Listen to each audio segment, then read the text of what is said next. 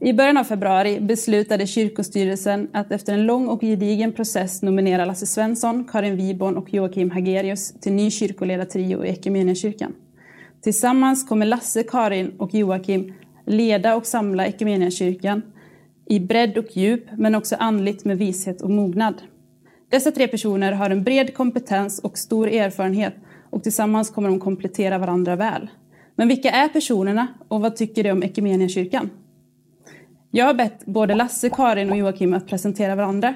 Så jag skulle vilja höra, Lasse, vad du säger. Eh, tack Elin. Ja, Eh, då jag, har jag fått på min lott att eh, presentera Joakim Agerius eh, som jag känner en del sedan tidigare också när vi var pastorer i Göteborg tillsammans i varsin församling där. Joakim han, eh, jag tror han blir 50 nu i slutet på året här. Jag vet inte om du vill erkänna det Joakim, men, men jag tror att det är så.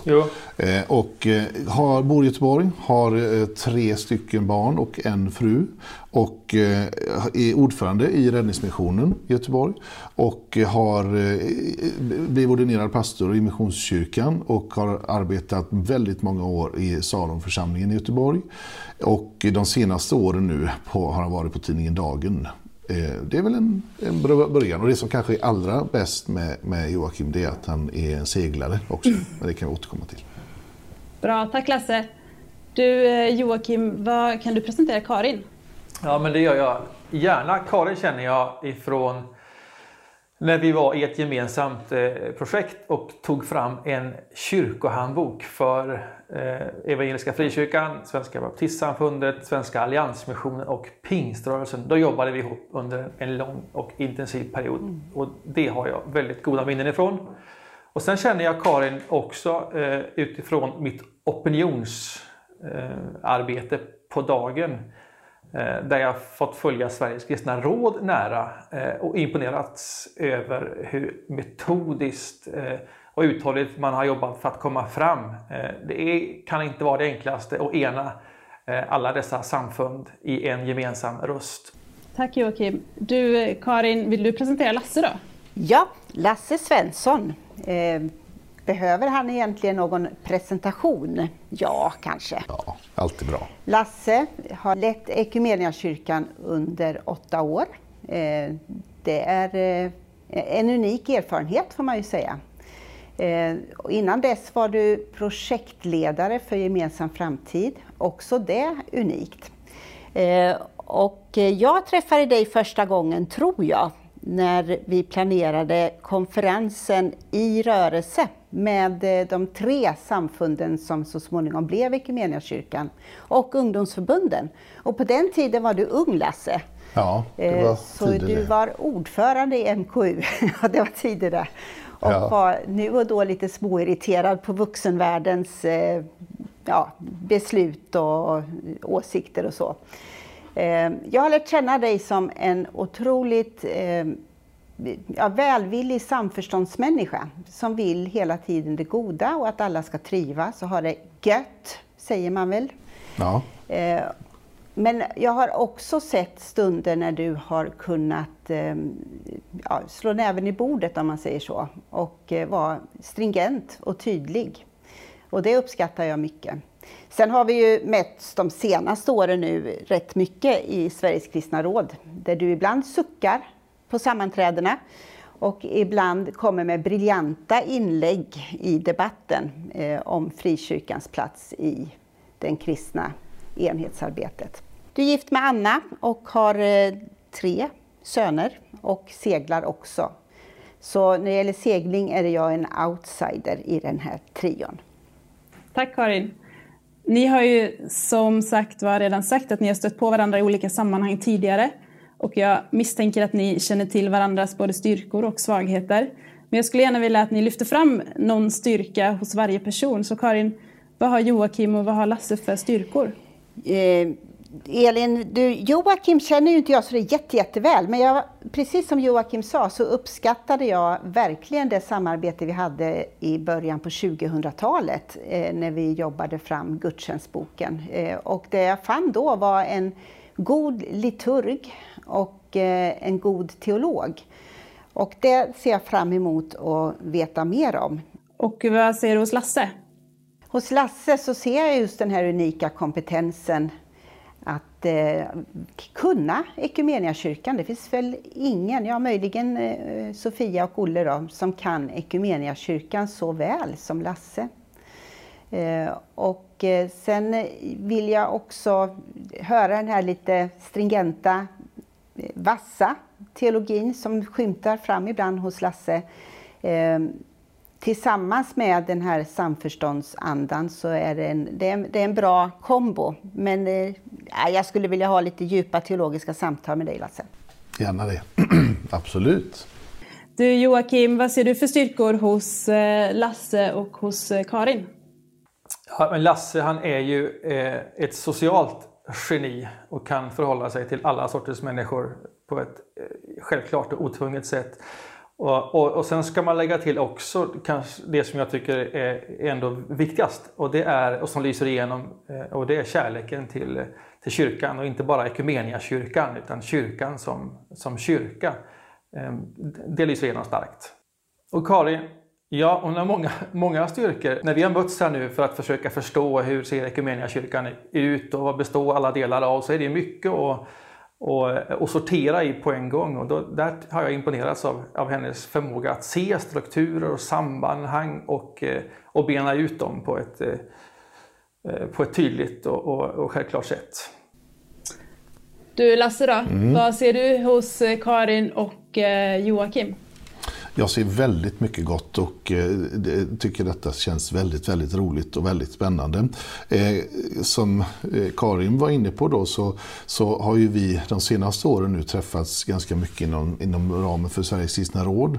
Och eh, jag har ju fått se hennes ledarskap där och det har jag ju sett tidigare också väldigt eh, tydligt såklart när jag då, som Karin också nämnde, jobbade som, som processledare för Gemensam framtidsresan och de konferenser vi gjort tidigare. Så det är ganska många många sammanhang som vi har stött och blött eh, olika frågor. Och eh, just, just den här eh, bredden som Karin besitter och, och, nu det här kontaktnätet som hon har skapat och hur fantastiskt duktig hon är i mötet med människor och inte minst då den ekumeniska erfarenheten. Det gör ju att hon är, är svårslagen som, som ledare och det tycker jag är jättespännande. När det gäller Joakim då så, så har ju vi Eh, då hade vi rätt så mycket att göra med varandra då några år tillbaka i tiden då när, när vi båda var i Göteborg då. Och jag har alltid imponerats dels av att han är en väldigt trevlig person, väldigt lätt att komma in på livet och umgås, umgås med. Eh, men också att han är oerhört trogen. Eh, han har klara idéer och visioner, har en, en god, verkligt god analytisk förmåga och har för, förmågan också att se konsekvenser gränser och se konturer och dra slutsatser av det. Så eh, det är väl någonting i alla fall som jag verkligen också ser fram emot att lära känna mer nu i, i denna tid. Men klart, vi har haft med varandra att göra de senaste åren också då när han har varit på dagen. Så det, vi ska se fram emot mycket detta. Får man, lägga, får man lägga till någonting här i ordningen? Ja, det tycker jag. Självklart. Ja, ja, men jag tycker att det är så symptomatiskt också att eh, när Karin ska säga någonting om, om Lasse så säger hon så önskar jag också lite djupare teologiska samtal. Det där, är, det där känner jag igen från de samtalen vi har haft nu inför detta. Att Karin eh, hela tiden återkommer till det. Hon vill tala teologi och förstå kyrkan teologiskt. Det är också väldigt spänstigt och, och, och naturligtvis väldigt, väldigt bra. Jag, jag vill också gärna lägga till något. Mm, absolut. Det är några pusselbitar vi inte har nämnt, men vi är alla tre engagerade i lokala ekumeniaförsamlingar. Och det tycker jag är en viktig del att lyfta fram, att vi kommer med tre olika eh, erfarenheter av gudstjänst och församlingsliv. Eh, och sen tycker jag att Joakims räddningsmissionsperspektiv, det är väl extra eh, aktuellt just nu med det diakonala Eh, men jag, det ser jag fram emot att få lyssna till och eh, hoppas att det kan få forma vår kyrka på ett nationellt plan. Den, de erfarenheterna du har därifrån. Mm. Det verkar ju som att ni har ganska god koll på varandra samtidigt som det finns många sidor att utforska. Eh, och jag har ju bett er allihopa att ta med en personlig sak. Kan inte ni bara visa era personliga saker? Ni sa inget om hur stor den kunde vara, så den är rätt så stor min sak. Den här båten. Ja, tappa den inte i huvudet på mig bara. Nej, nej var försiktig där nere. Jag kan peka den mot Karin istället. Jag tänker att eh, ni ska få presentera era saker lite mer ingående. Så att eh, Karin, du får jättegärna börja. Vad är det för någonting du har i din hand? Jag har en träkåsa. Den är gjord 1987 när jag födde mitt andra barn Eh, och var på en scoutledarkurs som hette Hantverkaren och eh, då fick jag hjälp att sätta igång det här arbetet. Sen var det väldigt, väldigt bra att sitta och pula med det här mellan amningar och eh, andra saker som man behöver göra när man är föräldraledig. Jag har med den för att den är den har hängt med mig länge, den är väldigt viktig för mig. Den hänger med på mina scoututfärder med mina spårare. Och den är lite sliten, eh, den är inte perfekt, den är robust och den är funktionell. Och jag tänker att det är lite sån som jag egentligen vill vara också. Wow, bra! Fint! Vad, vad tänker du Joakim om eh, din eh, fågel som du har där? Vad är det för fågel? Alltså jag, jag tror att det här är en, en strandskata. Men det där kan jag ju möjligen få backning på om det finns någon ornitolog som, som vet bättre. Men för mig är detta en strandskata i alla fall.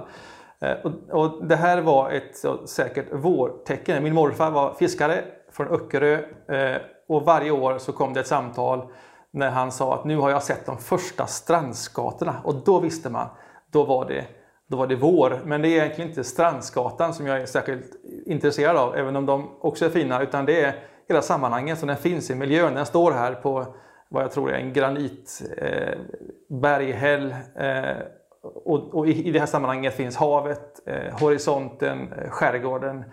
Eh, dit flyttade jag ut som tonåring och det blev väldigt viktiga och formerande år för mig. Så det här är liksom skärgårdsmiljön som det här representerar. Då måste jag bara fråga, pratar vi västkusten eller östkusten? Ja, just det. Precis, det, det är västkusten. Salta vatten behöver det vara. Mm. Klar. Du Lasse, det ser ut som du är lite inne på samma tema där. Ja, eh, nu är inte detta en eh, fågel utan det här är en eh, båt, eh, segelbåt. Och eh, det är för mig liksom ja, med rekreation och eh, eh, ja, men verkligen eh, också eftertanke. Liksom, att sitta, jag tänker aldrig så bra som jag sitter i båten eh, och tycker att jag kan... Ja, nej, det, det, är liksom verkligen. Och det är även faktiskt de här putsa och fixa och dona och så, göra lite i ordning så. Men, men framförallt naturligtvis att segla då. och just i de här tiderna nu liksom, när man när de första, första gångerna får komma ut på havet. Det är ju fantastiskt och underbart. Liksom, ta del av den enormt vackra skapelsen. Och för mig är det då västkust också då. Även om eh, seglar gärna var som helst och hur som helst och när som helst. Jag tycker om havet också, bara gå och promenera vid. Det verkar ju som att ni tre personer är sådana som trivs väldigt bra ute i naturen. Oavsett om det är skog eller eh, havsluft då. Eller vad säger ni om det? Jag kan ta med min kåsa och åka ner till eh, västkusten om det är så. Du är välkommen. Ja, fast jag, jag trivs i staden också, eh, måste jag säga. Det är väl växlingen som är, som är grejen. Jag var ju ingen, jag var ju ingen scout, Karin, förrän eh, jag var, vi var på eh, eh, något scoutläger här. För, för inte, det är inte jättelänge jag har varit scout, men jag är invigd scout nu och jag har en scoutskjorta och var ju på, såklart på det stora scoutläget i somras. Så, så att jag, jag känner mig väldigt, eh, mer och mer eh, hemma eh, och nu väldigt hemma tycker jag i, i scoutmiljön. Så att det är trevligt också. Ja, det låter bra. Ni har varit eh, lite inne på det, men när känner ni er avkopplade och när känner ni er lediga? Är det så att en kyrkoledare ens kan vara ledig? Eh, jag tänker Lasse att du kanske kan eh, svara på den frågan först. Ja, eh, men det är nog eh, väldigt mycket så att man, jag känner mig avkopplad när man kan vara vid havet eller gå en promenad eller, eller sådär. Liksom. Jag också, tycker också mycket om att, att fixa hemma liksom, när det finns tid. Så, och då, alltså, mer liksom sådär, renovera och sånt. Det tycker jag är, är ganska avkopplande. När, när, man hinner, annars när det inte, när det inte blir en stress. Så. Och sen tror jag det är jätteviktigt att, vi, att man är ledig och att man, att man är det. Och det klart att man kan vara som kyrkledare också. Men det är klart att man, man har, känner väl också att man, man, det är bra om folk kan få tag på någon du verkligen behövs. Och det, det, det kan man ju alltid ordna så att det går att lösa. Så. Joakim, när är du ledig? Ja, ja när, när är jag ledig? Eh, ja, men det, det, det, händer, det händer nu och då och, då, och det jag gärna gör då det, det har att göra med havet och horisonten och segling och båtliv. Men jag, jag gör också gärna en god eh, middag och lagar mat.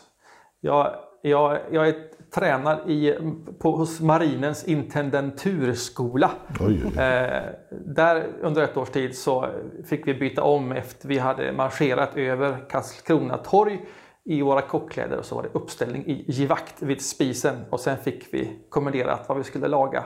Och så lagade vi mat där. Och det här är jättelänge sedan. Men jag, sen dess har jag, är jag väldigt road av, av matlagning. Det var ju väldigt bra. Karin, när känner du dig ledig och vad gör du för att känna dig ledig? Jag tror att jag är ganska bra på att vara ledig. Ehm, och, eh, om jag, jag har ju faktiskt varit kyrkoledare en gång förr i tiden eh, för baptistsamfundet och då eh, var jag väldigt bra på att vara ledig på vägen till och från saker. Ehm, åka tåg, ehm, under en resa, koppla av. Jag läser gärna, gärna romaner och eh, sen är jag naturligtvis jättemycket ute och eh, trivs också att vara i min eh, lokala församling. Det tycker jag har varit en eh, jag på att säga, det roliga med att sluta som pastor i lokal församling var att man kunde bli frivilligarbetare i kyrkan. Så jag, gör, jag ägnar ganska mycket tid i kyrkan eh, på min fritid helt enkelt. Med scouter och olika grupper och så. Eh, men livet, livet i sig tycker jag är härligt vad, vad man än är inne i. Och eh, jag har rätt lätt för att slappna av eh, mellan uppgifterna. Så, jag tror att det har kommit med åren lite grann. Nu är jag ju gammal så då har jag lärt mig. Därför får jag flika in Elin där, för jag tycker att det, det, jag tänker bara på det med församling, för där är jag ju så glad. Jag är ju med i en ganska liten församling. Eh, men jag är glad för att den, för vi firar gudstjänst på eftermiddagarna eftersom Kyrkan Lerkil också är en lägergård som ofta är uthyrd på helger och då kan det inte bli förrän på eftermiddagen som gudstjänst firas. Så det gör att jag har lite större chans att just gå på gudstjänst också, apropå det du sa eh, Karin också där. Så att, eh, även om man är och predikar någonstans på förmiddagen, vilket ganska ofta händer, så, så kan man inte så, det är inte så sällan som man i alla fall har möjlighet att hinna hem till gudstjänst. Så det, det, det är jag tacksam för också. Mm. Det känns eh, som att vi har fått eh, lära känna er ännu lite bättre. Eh, och eh, jag tänker att vi ska gå in på eh, lite mer på Equmeniakyrkan och vad ni tänker om Equmeniakyrkan och tänker om framtiden för vårt samfund. Och vi har ju en verksamhetsplan där mycket av vår verksamhet utgår ifrån. Och de här fem målen som finns i verksamhetsplanen, då jag ska snabbt bara läsa upp dem så ska ni få säga någonting om det. Det första målet, eller ett av målen snarare, de är inte rangordnade. Ett av målen är församlingsutveckling, ett annat är församlingsgrundande, internationella relationer, samhällsengagemang och förvaltarskap. Eh, Joakim, vad, vad, tänker du? Är det något av de här målen som du brinner lite extra för? Ja, om man tvingas välja ett av de här, det är ju svårt, de sitter ju ihop allihop, men alltså församlingsutveckling är nog det som ligger ändå närmast eh, och som jag tycker kanske är, är viktigast. Just för att det handlar om, om den lokala församlingen, dess utveckling och, och växt. Eh, all, allting kokar ju ner till det. Det, det är ju det är det som är, som är grejen och det är också eh, det, är också det som har satt så, så djupa spår i ett liv eftersom så många år som lokal pastor i en lokal församling. Så det är ju där jag har mitt stora hjärtat och, och, och erfarenhet mm. också. I det här målet så står det bland annat om att vi ska växa som samfund och församlingarna ska växa. Eh, och eh, vi ser ju en hel del kristna församlingar i Sverige idag som växer. Eh, men det är oftast utanför vårt samfund Equmeniakyrkan. Och vad tänker du om det? Vad beror det på? Ja, om det ändå fanns en jätteenkel formel som man kunde rulla ut och så hade församlingarna eh, vuxit. Det finns ju ingenting sånt. Eh, och, och det, går, det, är väldigt svårt att säga någonting också generellt i ett samfund och det är svårt att säga någonting. Utan det här, här får man göra en djupdykning i varje, varje sammanhang. Eh, men om man ändå ska säga något generellt så så tror jag att det är, ett teologiskt viktigt Att man, att man har att man, att man kommer fram till för, för vem finns församlingen primärt till? Um, och, och, när, jag, när jag själv tänker omkring det och jobbar med den frågan så blir svaret församlingen finns primärt till för världens skull. Och det, det, det där kan man ju säga väldigt enkelt. Eh, eh, men det där är ju en teologisk utsaga, övertygelse som man sedan måste jobba igenom i, i alla led. Vad betyder det då att just vår lokala församling primärt existerar för, för den omgivningen och där, där, där vi nu finns?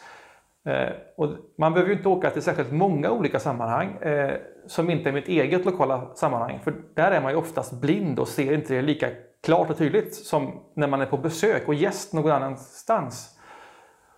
Och då är det väl inte helt ovanligt att när man dyker in i ett sammanhang i en lokal församling att eh, det känns eh, rätt så eh, internt. Eh, och, och, och, det gör det oftast eftersom man har varit ungefär samma människor eh, som har mötts regelbundet under en lång tid och det skapar sina ordningar och strukturer som i sig är väldigt bra eh, och, och, betydelsefulla för de som är där. Men då är det också en utmaning att, att i grunden fundera över hur kan vi, alla vi som just nu är här, eh, primärt finnas till för den här världens skull genom det vi gör, gudstjänstfirandet och, och andra verksamheter. Eh, det där kräver sitt arbete eh, och, och det tror jag man behöver stärka upp ännu mer. Karin, vad tror du Equmeniakyrkan behöver göra för att växa som samfund? Ja du, det är ju inte så lätt att svara på. Eh, vi behöver ju bra församlingar, eh, starka församlingar, församlingar som vill. Eh, det är ju den grundläggande saken. Jag tror att eh, vår, vår kallelse är ju i någon mening att söka Jesu Kristi kärlek och följa Jesus. Och där kan vi hitta vad som är vår specifika kallelse som samfund.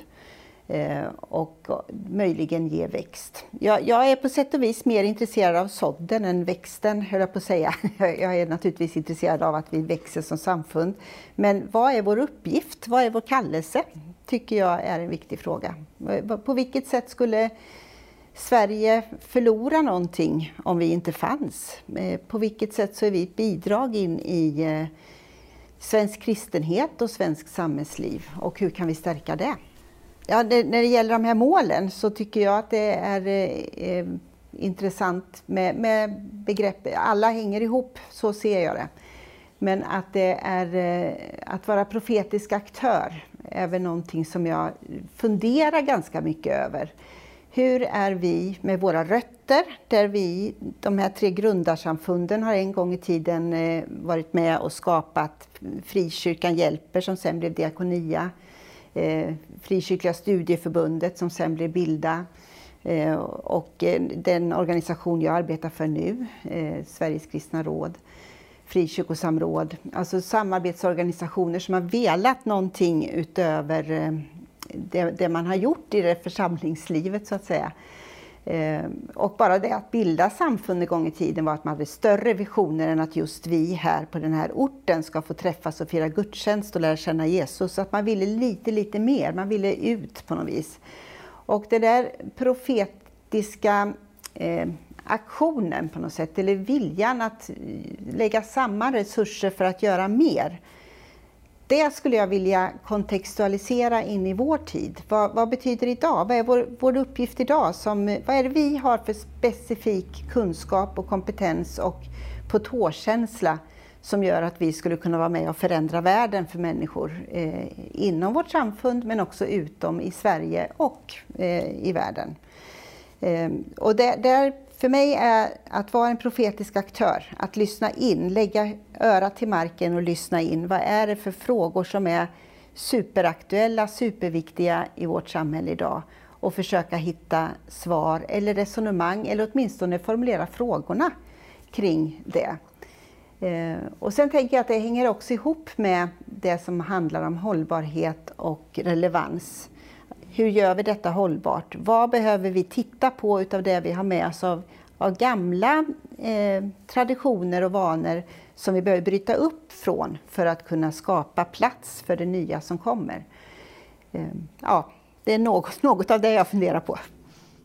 Lasse, om du får välja ett av målen att prata om, vilket tänker du du vill prata om då, idag? Ja, precis. Ja, men lite som, som det andra har sagt här så, så hänger det ju väldigt tätt och tajt ihop. Och, och och eh, jag ser väl, alltså det som, det som ni har varit inne på här är ju sånt där som, som man verkligen arbetar med dagligdags. Och jag tänker att de utmaningar som vi har på hemmaplan här när vi då talar om, hur, om växt, och, eller förnyelse, utveckling och växt som vi har talat om i, som övergripande mål och så vidare.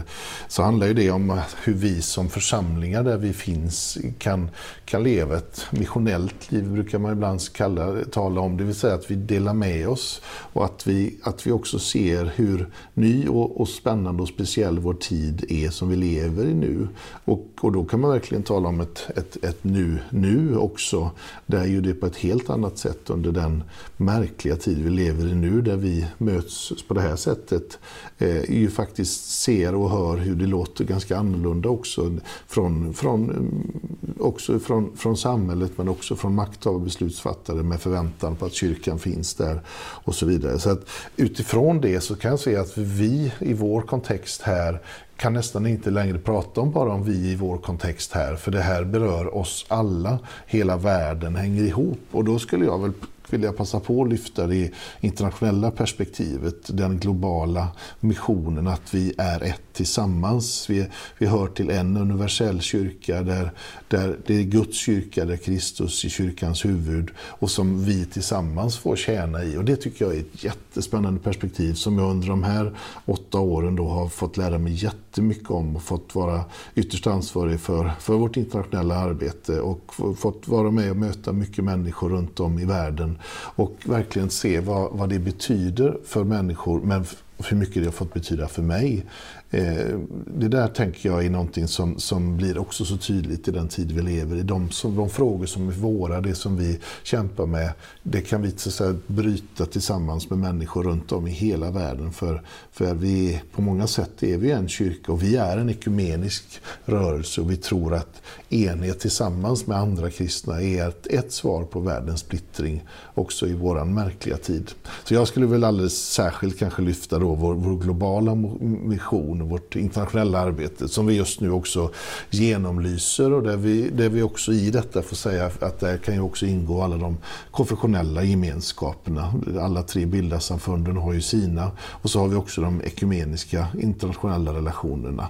Så att eh, det skulle jag vilja alldeles särskilt lyfta som, som också inte bara någonting vi också gör eh, utan verkligen någonting som är nyckel in i våra liv och i våra sammanhang och vår förståelse av oss själva och vår värld som vi tillsammans finns i. Mm. Det finns ju hur mycket som helst att prata om de här verksamhetsmålen eh, och man kan lägga till säkerligen ännu mer. Och det, ni kommer ju få mycket tid framöver att prata verksamhetsmål eh, med de som är extra intresserade. Så. Men jag tänker att vi ska gå in lite på framtiden också.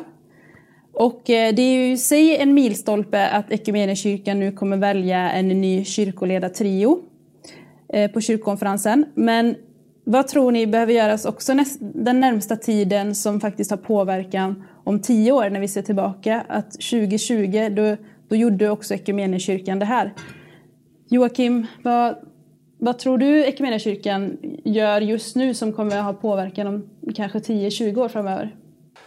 Alltså man kan väl säga att allt man gör nu kommer att ha en påverkan om 10 eller, eller 20 år eh, framöver. Det är min erfarenhet ändå från en större församling. Ska man, ska man arbeta för en genomgripande förändring, en bestående förändring, då tar det ungefär 10 år från, från det att man in, in, börjar någonting till det att man ser frukterna av det. Så det är, det är, vad vi än gör här så är det långa processer och det är i en lokal församling, i ett kyrkosamfund är det ännu längre processer. Så man ska ha respekt för att det finns inga det finns inga quick fix utan det är långa, långa eh, processer. Men ska man ändå säga någonting så här så tycker jag nog att man, man har gjort de här två eh, första perioderna i kyrkoledningen ett, ett jätteviktigt och bra arbete att få ihop tre stycken kyrkor. Det är ett enormt arbete man har gjort där. Eh, att jämka samman detta. Men någonstans så behöver man ännu tydligare säga att nu har vi, nu har vi gjort det och det är ett väldigt bra arbete och så behöver man ta ännu mer avstamp härifrån och liksom ta sikte på framtiden härifrån som en ny kyrka.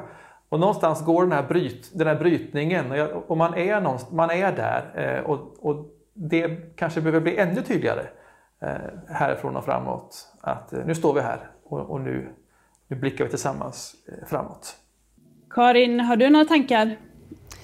Eh, ja, jag är delvis inne på samma spår som Joakim. Ehm, och eh, det här är kanske en liten detalj i det hela, men jag är väldigt sugen på att fundera över om det går att skapa en gemensam historia för Equmeniakyrkan. Det vill säga i sanningens namn så började ju inte vi 2012 utan det finns ju en förhistoria med de tre samfunden.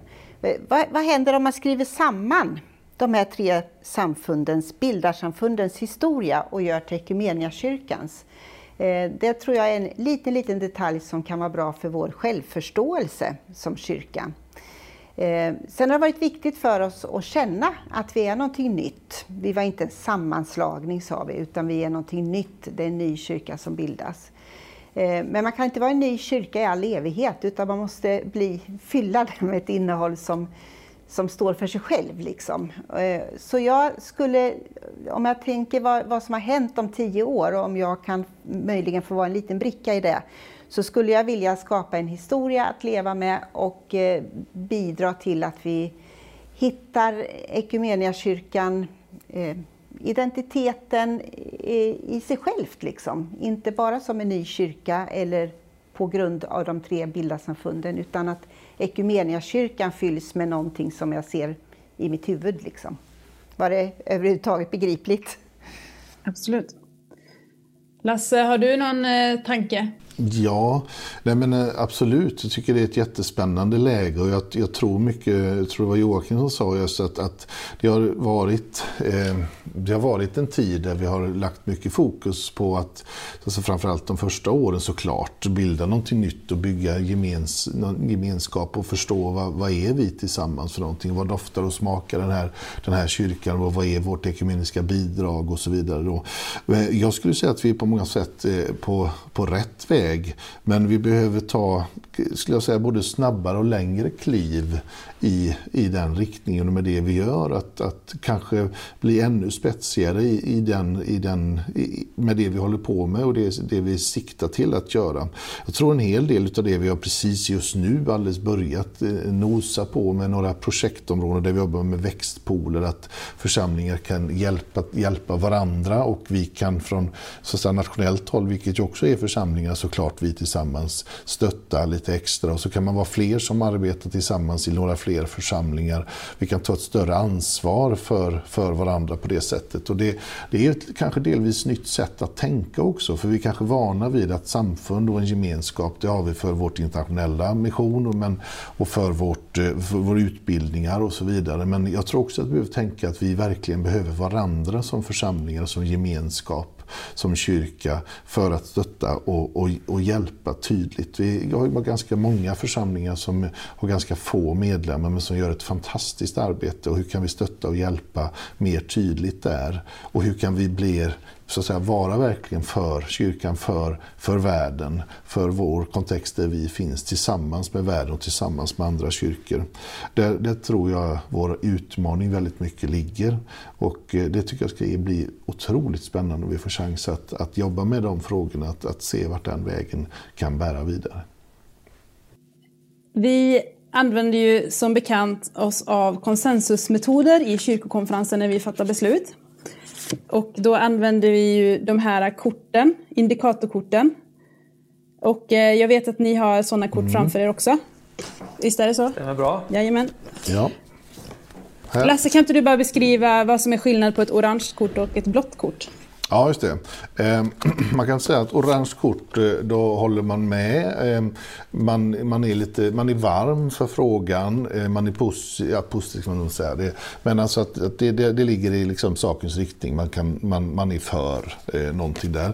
Det här blåa, det måste ju inte betyda att man, att man är kall eller emot eller så. Men det kan betyda att man, men det kan betyda det. Men det kan också betyda att man, ja, men det finns mer som vi behöver få sagt eller mer som ut, utredas.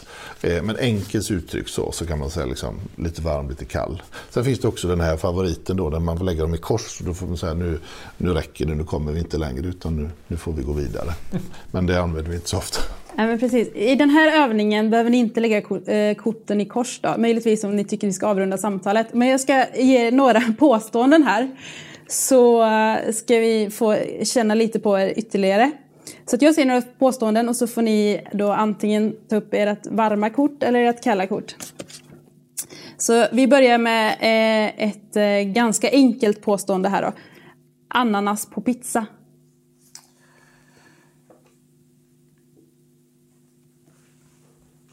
Nej.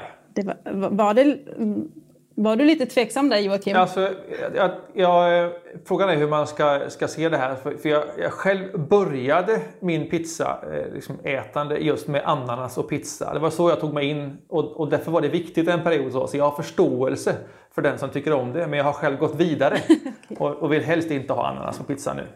Då, då testar vi på, på eh, något annat här då. Och då säger vi brassmusik. Ja, gärna det. Det är okej. Okay. Mm. Är det så att någon av er musicerar? Ja, men inget, inte brass. Lite grann. Inget bläckblås? Nej, inte jag. Trummor har jag spelat. Trummor, ja. Ja. Jag är för tillfället kär, jag är kär i piano. Så du spelar piano? Ja, det, det vågar jag nästan säga numera. Jag, jag eh, är fullständigt autodidakt i det närmaste. Men eh, numera spelar jag i alla fall till salmerna i kyrkan ibland. Ja. Annars är det gitarr som är mitt. Bas, gitarr, trummor kan jag, kan jag liksom eh, fuska eh, en del i. Så, så vi skulle kunna, det kan bli ett band här, det känner jag. Vad härligt. Det låter, det, kan vi ta det som ett löfte? oh ja, absolut. Ja, härligt. Absolut. Det blir bra. Då tar vi nästa påstående. Webbsänd gudstjänst. Ja, absolut. Som sagt det behöver inte betyda att man är emot men man kan ju vara lite mer sval kanske? Karin är lite mm. Jag är lite sval. Ja. Jag är lite sval. Mm. Jag är lite ja. sval. Jag är tveksam. Eh, det beror på om katten själv får välja så att säga. så, så går jag hellre på en eh, live-gudstjänst. Mm. Men eh, jag tycker det är bra att möjligheten finns och eh, jag, jag deltar på gudstjänster på det sättet ibland. Men i valet mellan en levande eh, fysisk närvarogudstjänst och en webbgudstjänst så väljer jag den andra. Ja, men då kanske jag skulle haft det det var bara att jag tänkte att, alltså för det är klart att det, det beror på, men jag är, jätte, jag är för alltså att det finns och att det sänds. Men det är klart, det, jag, det, det, jag går ju hellre såklart på gudstjänst, verkligen absolut. Men i dessa tider som är nu då, eh, det är också så att jag, ja, jag förstår Karin vad du tror du menar. Men, men eh, jag är väldigt glad att det finns. Typ så. Men det, visst är det ändå ganska intressant utveckling nu att, att det gick så fruktansvärt snabbt att ställa om ja. till, eh, till digitala gudstjänster. Så jag tror man kommer lära sig jättemycket av det. Och ja, det skulle vara intressant att, få någon statistik på, eh, på det här. Hur många firar nu gudstjänst i sina hem uppkopplad på en lokal församling eh, jämfört med en vanlig söndag när, när, när det inte var så mycket eh, online eller streamat. Och min gissning är att det är fler som firar gudstjänst nu i Sverige än vad det var innan för att det är liksom lätt, mer lättillgängligt. Mm. Och, så där finns ju någonting intressant att också utforska vidare, även efter Corona. Har ni mm. predikat på någon webbsänd gudstjänst den sista tiden? Ja. Ja. ja. Jag, kommer, inte, jag tror inte jag har predikat på länge. Ja, det har, senast jag predikade webbsändes det nog kanske också, men det var liksom innan corona. Så nu kör jag ju mer, mer annat i dessa tider, men webbsänder väldigt mycket. Vi går vidare. Då säger jag julotta. Uh, jag måste vara tveksam där alltså. Ja, ja, men jag... Vad tänker du där Joakim? jag tycker, som det står, jag tycker det finns fler frågor kvar att lyfta innan man fattar det beslutet om eh, julotta. Jag fick jag välja mellan julotta och en, en midnattsmässa så väljer jag hellre midnattsmässan. Men, men om det inte det finns så tar jag mig upp också i ottan. Just det. Karin, du, du håller upp ett orange kort. Ja, jag är i princip positiv, men det betyder inte att jag alltid går på julotta eller närvarar så. Men eh, jag gillar själva idén. Jag är något av en morgonmänniska och tycker om, och, jag tycker om det där tidiga gudstjänstfirandet. Eh, så, så jag, ja, jag gillar det. Och eh, Lasse, du var ju inne tidigare på lite eftermiddagsgudstjänster i din hemförsamling. Så ja. är, det, är det så att du är en, en kvällsmänniska? Snarare en morgonmänniska? Ja, men jag är nog, nog sån att jag är ofta trött kan man nog, alltså sådär, både morgon och kväll kan jag tycka. Men, men, eh, och jag är klart, jag inser när jag visar korten nu att jag gör det liksom utifrån att, att jag tänker att jag också eh, är pastor och medverkar i, i gudstjänsten. Och det är klart, då är, då är julottan, när den då görs riktigt, så är det väldigt tidigt. Alltså, så att, eh, då tar jag nog hellre eh, midnattsmässan där då eller så. Men, men eh, ja, nej, jag tycker det är onödigt att gå upp så väldigt närmast okristligt tidigt. Mm. Jag har två påståenden kvar här och vi, vi tar en som är ganska snabb. Då. Kaffe med mjölk? Absolut. Mm. Eh, är det så att Lasse och Joakim dricker svart eller dricker ni inte kaffe alls? Svart. Svart. svart. Och sista påståendet då. Eh, och det är råb. Pri ja, principiellt så tycker jag om liturgiska kläder. Men vi har inte på oss nu, någon, ingen av oss tror jag. Karin fick upp ett orange kort där. Ja, till slut. Lasse, kan inte du bara beskriva vad en råb är? I det här fallet så tänker vi oss nog att det är...